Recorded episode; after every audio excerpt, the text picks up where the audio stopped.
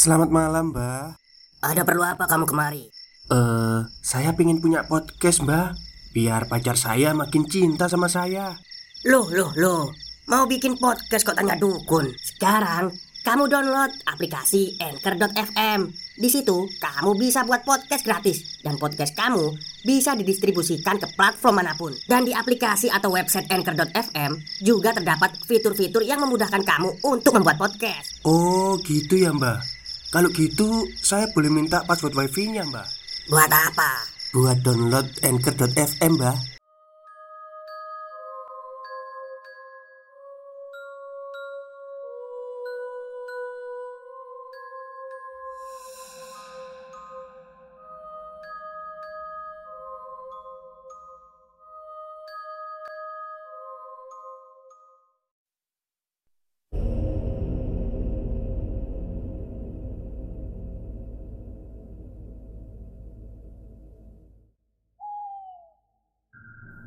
Assalamualaikum warahmatullahi wabarakatuh. Halo semuanya, jumpa lagi dengan saya Chow Sing Sing Kurator dari Podcast Horror Night Story. Halo, apa kabar semuanya? Semoga kalian semua baik-baik saja ya. Dan seperti biasanya pada malam hari ini saya kembali dan akan membawakan sebuah kisah mistis untuk kalian semua. Kisah mistis kali ini bertemakan tentang kos-kosan horor yang ditulis oleh Payung Hitam di tweet ya, di twitternya Payung Hitam dan ini kisah nyata. Seperti apa kisahnya? Mari kita simak. Hai, namaku Intan.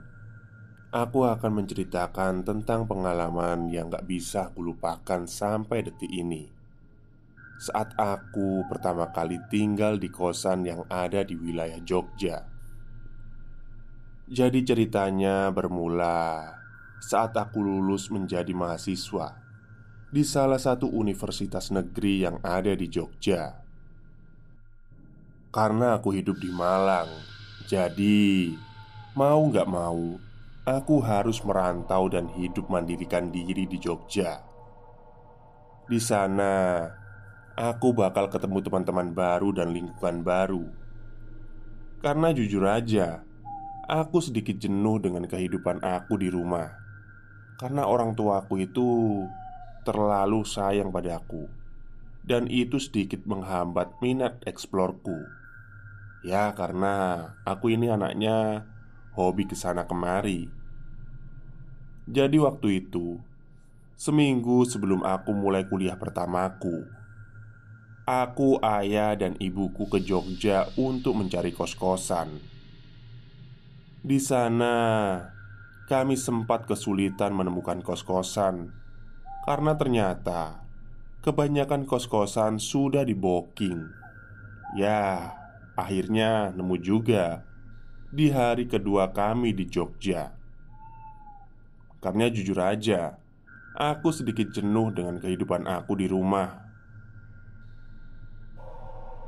Kosan yang kami temukan itu agak jauh dari wilayah kampus, bahkan udah di wilayah yang tergolong sepi. Tapi tidak masalah pikirku, toh aku juga bakal dikasih motor. Pertama kali aku lihat kos-kosannya, aku terbayang ini bakal sangat menyenangkan.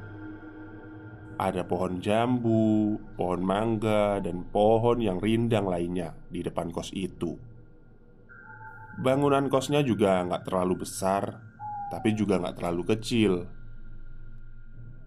Ini kosan khusus untuk cewek, dan BTW, pemilik kosnya juga tinggal di dalam bangunan kosan. Jadi segerbang gitu dengan rumah pemilik kos-kosannya. Pemilik kosannya itu ibu-ibu tua Tapi belum layak lah untuk dipanggil nenek. Kalau aku perkirakan sih umurnya lima tahunan lah.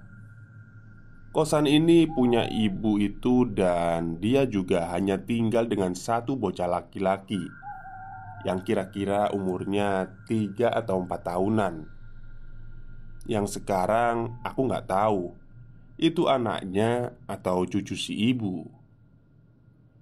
Jadi ibu kosnya itu menyambut kami Dan mempersilahkan kami untuk melihat-lihat kamar kos. Ternyata Total kamar kos yang ada di situ ada 12 Yang kosong ada 4 kamar. Jadi Dari keempat kamar itu Cuma sisa satu yang bisa ditempatin Saat ditanya tiga kamar lainnya Kenapa nggak bisa ditempatin Kata si ibu kosnya sih sedang direnovasi Padahal kelihatannya baik-baik aja Karena aku sempat ngintip dari jendela kamarnya yang ditutup gorden. Samar-samar terlihat normal aja, tapi entahlah. Awalnya aku mikir mungkin bocor atau apa kali. Jadi kamar kosan buat aku itu kamar nomor tiga. Kamar yang kosong itu kamar nomor 2512 Jadi kamar kosannya itu ada nomor urutnya Sesuai dengan ya tempatnya lah. Saat kami masuk ke kamar nomor tiga Aku melihat normal-normal saja Malah aku suka dengan fasilitas yang ada. Dan kamarnya juga luas banget Karena kamar ini sebenarnya hanya untuk dua orang. Aku bisa bilang gitu karena ada dua ranjang yang bertingkat. Tapi di sini aku cuma tinggal sendiri. Yang aku bingung Gak tahu kenapa Awal aku masuk ke kamar itu rasanya dada aku agak berat Dari awal aku sempat mikir soal itu. Tapi Aku cuma mikir aja Gak menanyakan dan menceritakannya ke ibu. Karena sepertinya Akan sedikit lebay Kalau aku ceritakan hal kecil itu. Awalnya sih aku mikir kayak gitu. Dan itulah yang aku sesalin sampai sekarang. Ya udahlah, itu hanya penyesalan. Jadi hari itu kami balik ke penginapan, lalu balik ke Malang. Seminggu kemudian, di hari Minggu, sehari sebelum aku masuk kuliah pertamaku, aku balik lagi ke Jogja dan meninggalkan ibu, ayah di Malang. Singkat cerita, saat aku sampai di Jogja, tepatnya di kosan itu sore minggu, aku langsung disapa dengan salah satu anak kosan lain yang saat itu sedang bersih-bersih.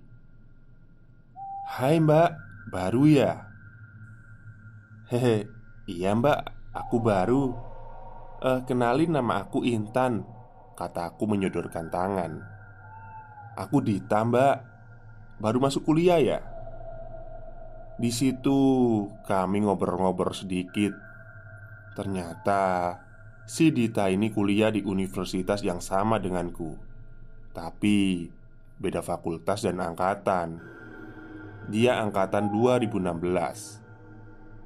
Di situ akhirnya aku pamit mau masuk ke dalam kamar. Tapi Dita sempat nawarin untuk main atau sekedar ngobrol-ngobrol di kamarnya.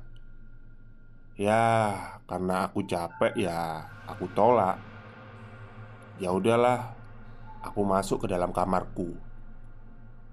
Lagi-lagi, pas aku buka pintu dan masuk, gak tahu kenapa, aku ngerasa dadaku ini sesak lagi.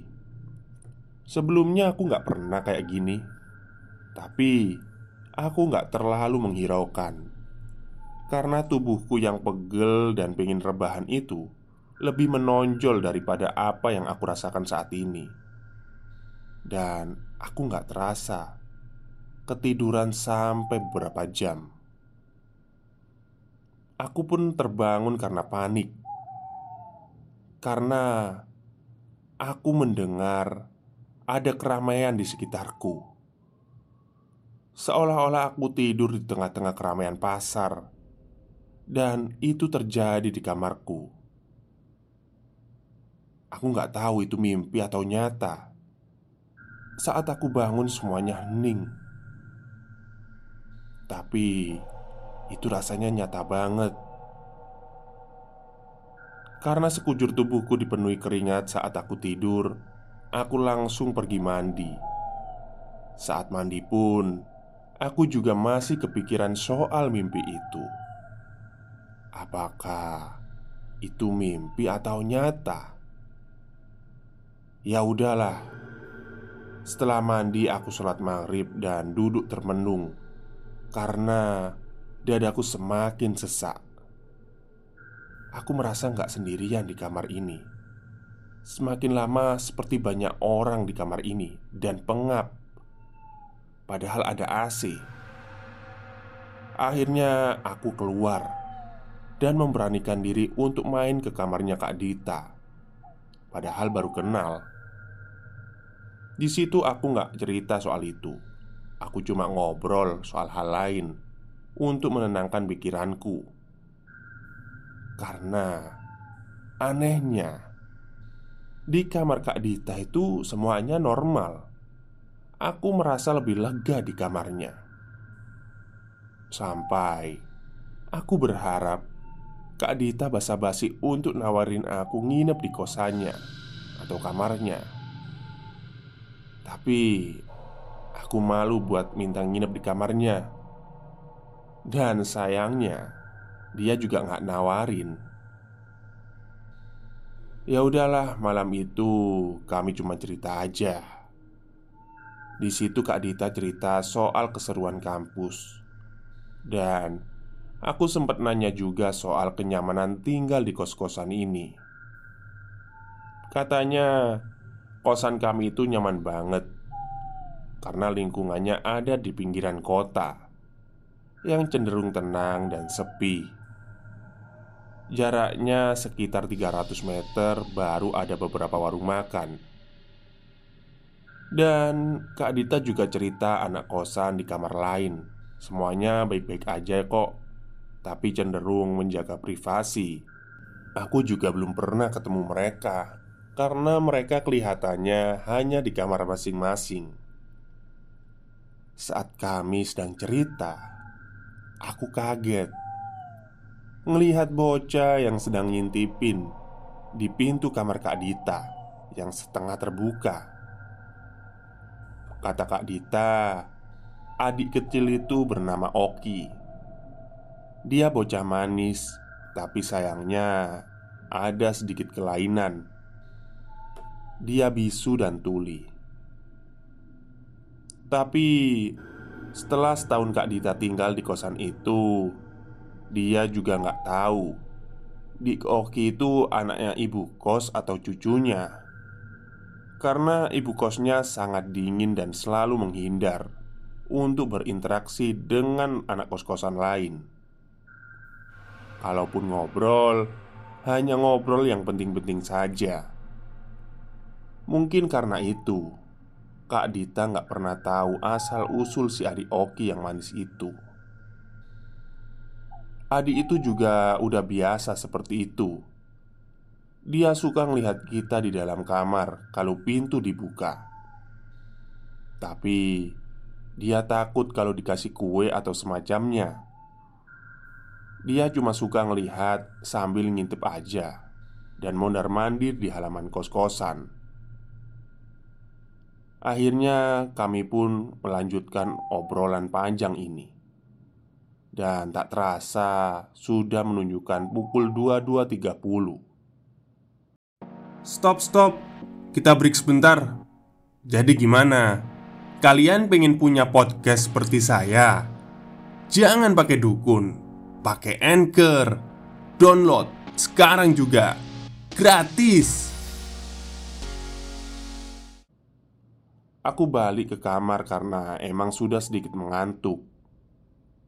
Tapi saat aku mau buka pintu kamarku, nggak tahu kenapa selalu ada perasaan takut dan gelisah. Aku juga nggak tahu kenapa, tapi itulah yang aku rasakan saat itu. Ya, apa boleh buat? Kak Dita tidak menawariku untuk menginap Ya, aku pun juga nggak beranilah untuk memintanya Jadi aku masuk lagi ke kamar Dan lagi-lagi Perlahan dadaku sesak Dan semakin sesak Aku duduk di ranjang sambil merenungkan Kenapa aku nggak nyaman di sini? Padahal baru sehari tinggal di sini.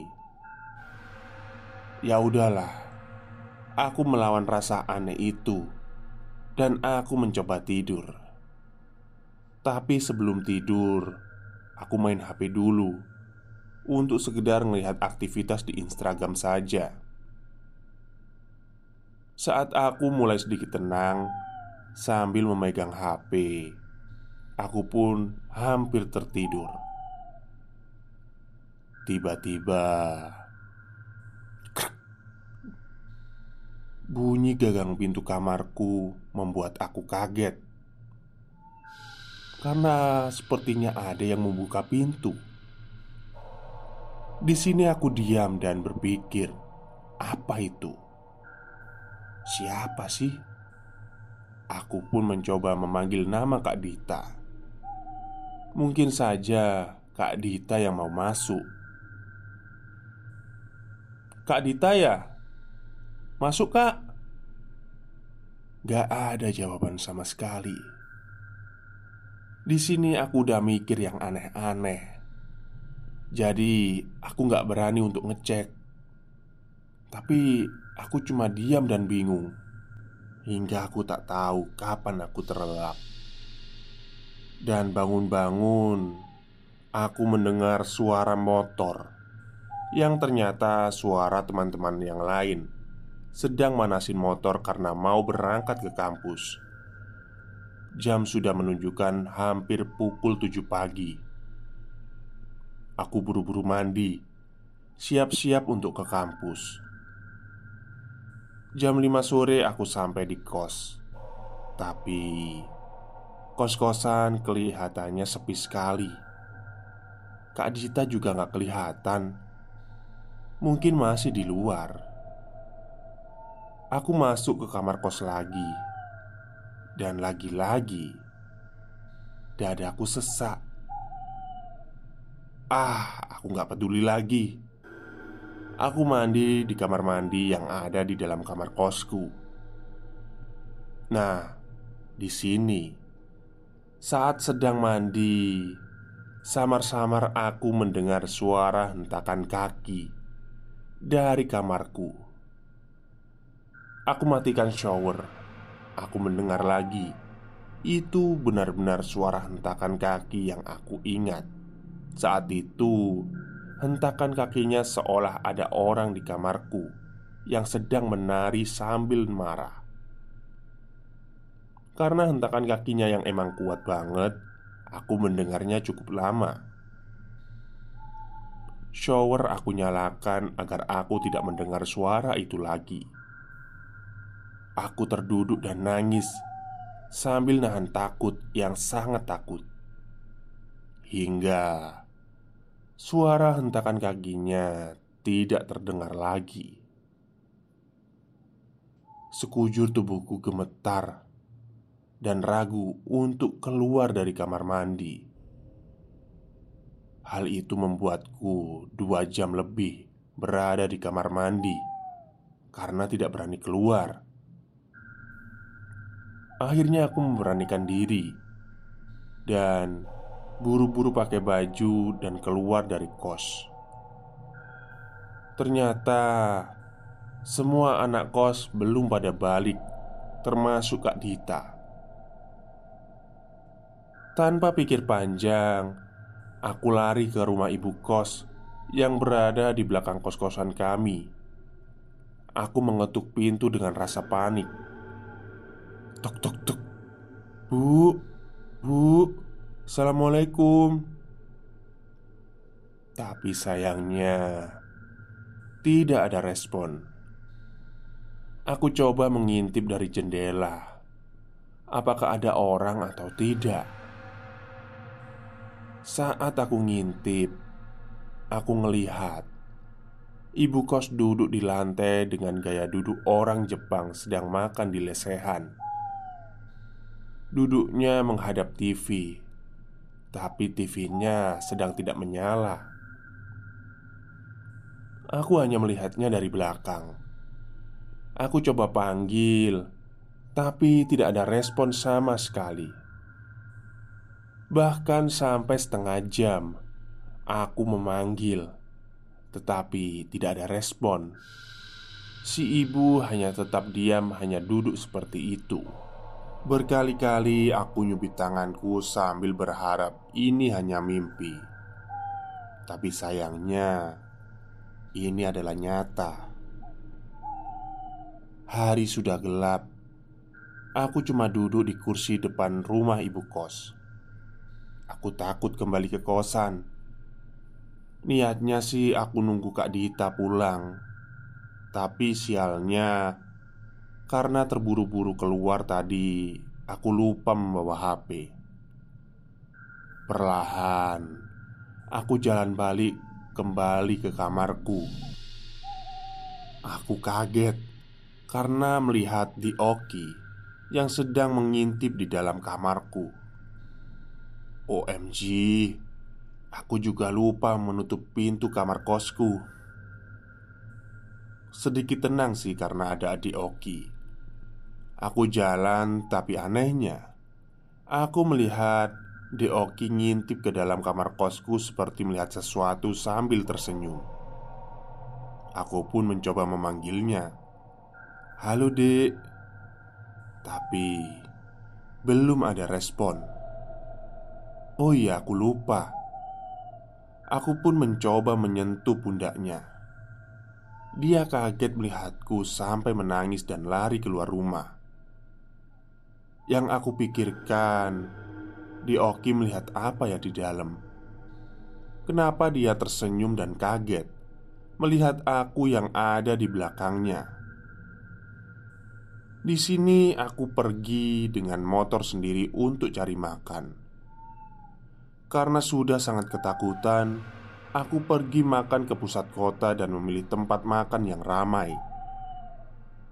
Aku makan setelah itu dan setelahnya, aku menelpon ibuku dan menceritakan semuanya di sini. Ibuku tidak percaya sama sekali karena dia hanya menganggap aku terlalu manja, tidak bisa jauh dari orang tua.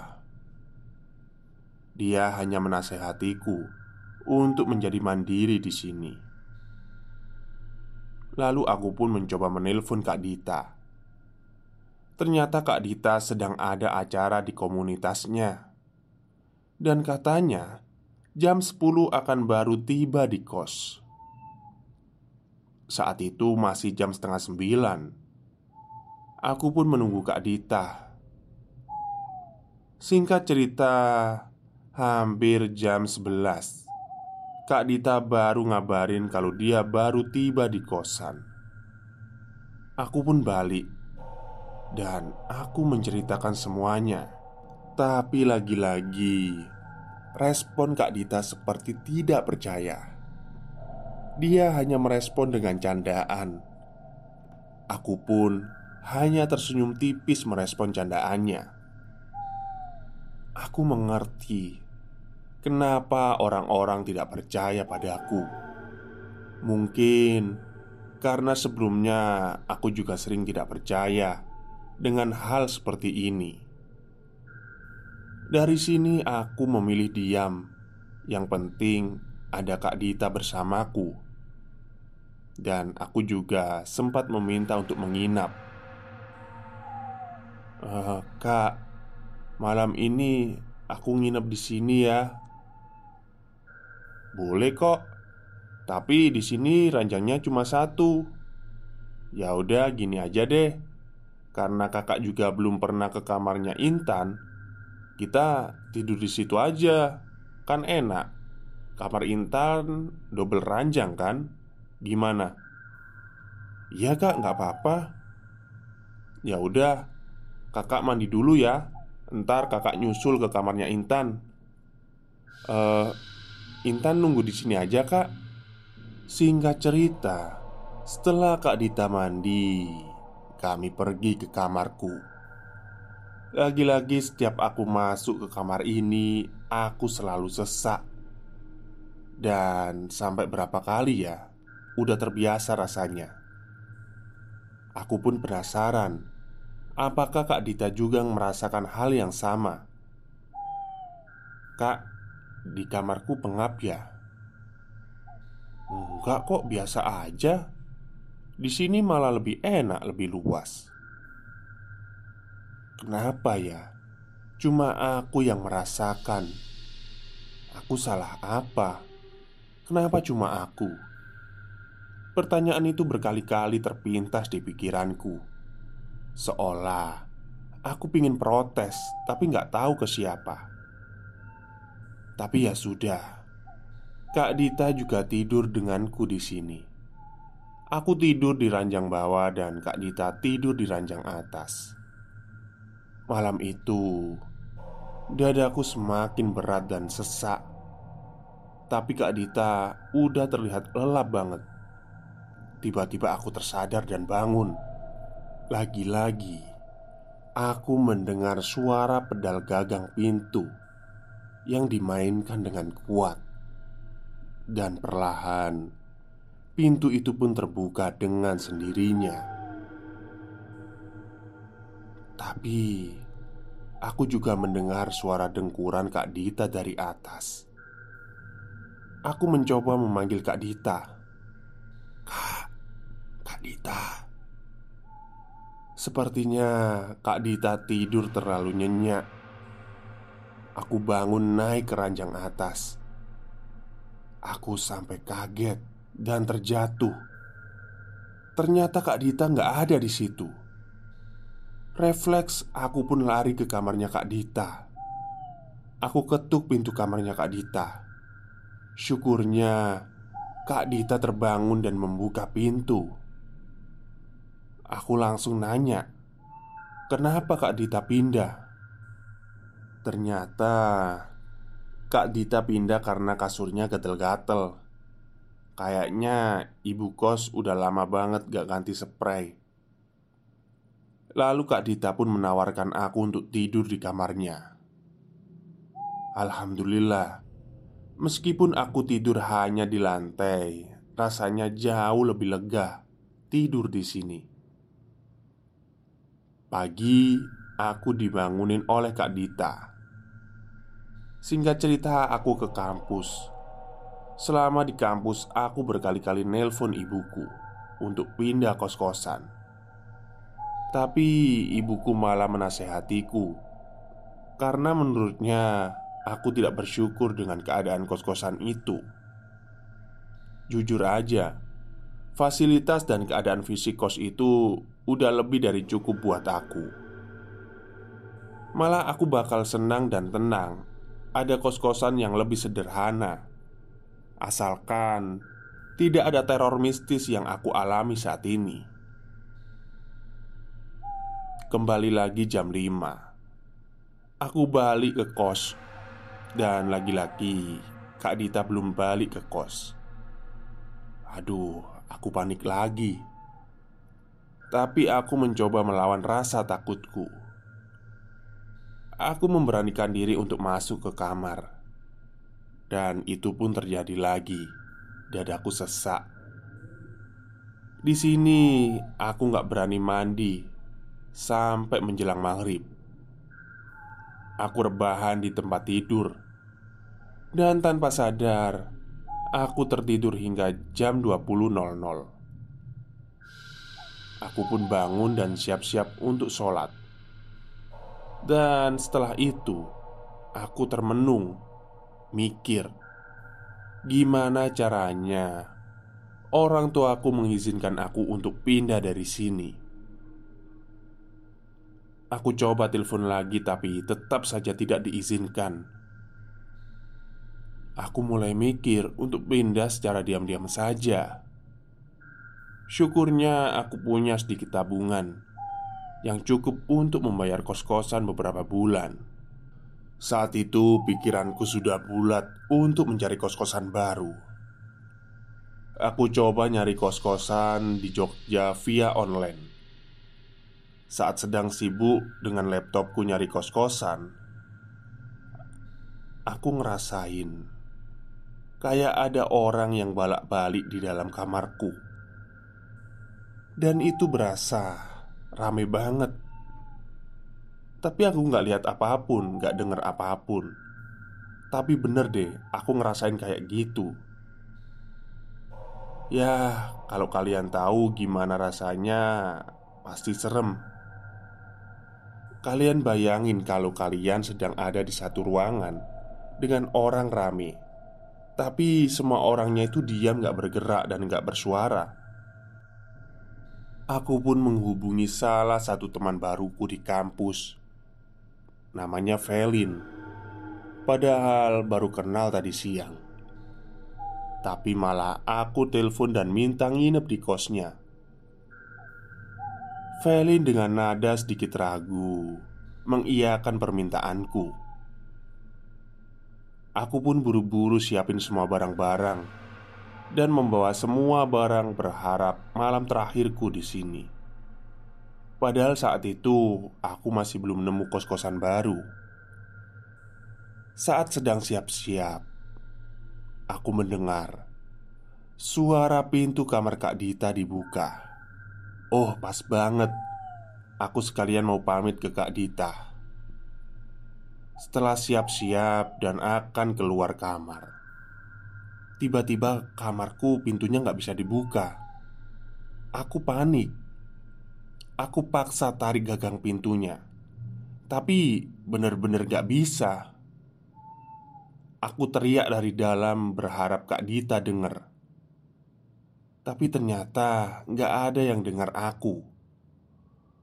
Aku pun memukul-mukul jendela kamar. Tetap saja tidak terdengar. Aku menangis Dan dadaku semakin sesak. Hingga di sini Aku tersadar Betapa bodohnya aku Gak menghubungi Kak Dita melalui telepon Entahlah, mungkin karena aku emang tidak bisa berpikir jernih saat itu. Syukurnya, Kak Dita mengangkat telepon dan langsung ke kamarku. Ternyata aku terkunci dari luar, tapi sampai sekarang aku nggak tahu siapa yang mengunciku. Logikanya, kalau terkunci, harusnya aku dengar saat di dalam kamar karena suara klik kuncinya lumayan kenceng. Tapi ini sama sekali aku tidak mendengarnya. Dan yang lebih aneh lagi, kenapa Kak Dita bisa nggak dengar saat aku teriak? Padahal aku dengar suara pintunya terbuka dari dalam. Ya, aku nggak tahu kenapa. Saat itu Kak Dita membuka pintu dan kaget. Kenapa aku bisa terkurung di situ? Aku nangis dan sekujur tubuhku berkeringat. Kak Dita langsung memelukku. Mungkin saat itu pelukan itu sangat berarti bagiku. Aku pun pamit ke Kak Dita untuk pindah ke kosan malam itu juga. Biarpun sebelumnya dia kaget kenapa aku pindah. Aku cuma bilang, aku ketakutan di sini. Singkat cerita, aku sampai di kos-kosannya Velin. Dia kaget aku ngebawa semua barang. Tapi syukurnya, Velin menerima aku tanpa keberatan. Di sini aku menceritakan semuanya apa yang terjadi. Dan Velin juga orang pertama yang menganggap cerita ini adalah cerita serius. Bahkan, Velin menawariku untuk sementara tinggal bareng dia di kos-kosannya. Terima kasih Velin. Di sini dia superheroku. Malam itu akhirnya aku bisa merasa lega. Biarpun saat mandi aku masih trauma. Padahal saat mandi di kosan Velin Gak ada yang aneh-aneh. Ya cuma akunya aja yang masih trauma.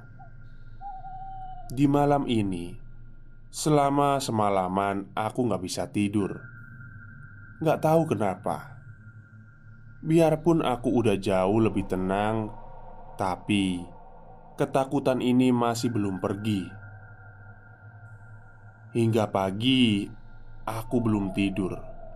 Tapi kami harus sampai di kampus hari itu. Saat di kampus Aku lemes banget Dan akhirnya pingsan.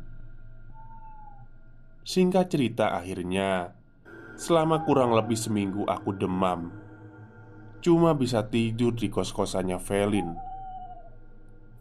Akhirnya ibuku datang ke sini dan aku cerita lagi apa yang terjadi di kosan lamaku.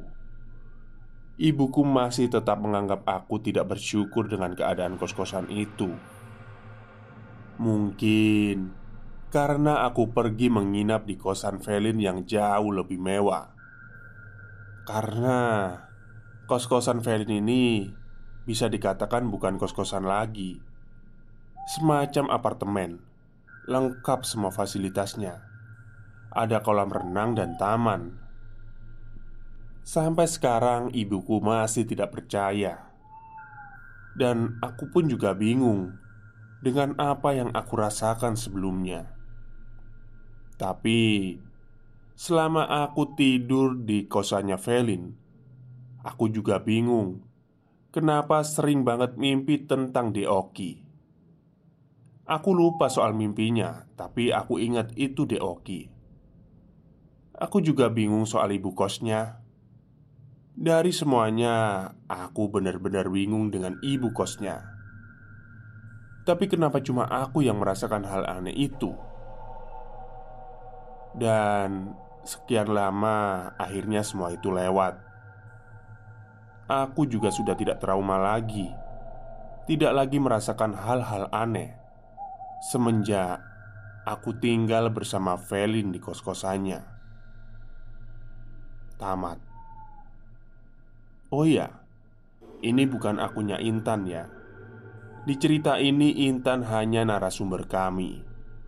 Narasumber tidak mengizinkan share nama lengkap dan detail pribadi lainnya Termasuk nama universitas dan wilayah detail alamat kosnya di cerita ini. Mungkin di sini ada temennya Intan yang tahu cerita ini atau warga sana. Tapi jangan terlalu dipublik ya. Karena tujuan cerita ini hanya untuk berbagi kisah saja. Terima kasih. Oke, itulah akhir cerita dari kos-kosan yang ada di Jogja. Memang ya, semua bangunan tidak hanya kos-kosan pasti menyimpan banyak misteri. Tapi ya, tergantung kita juga untuk menanggapinya. Baik, mungkin itu saja cerita mistis pada malam hari ini. Kurang lebihnya, saya mohon maaf kalau suara saya agak serak di terakhir. Selamat malam, wassalamualaikum warahmatullahi wabarakatuh.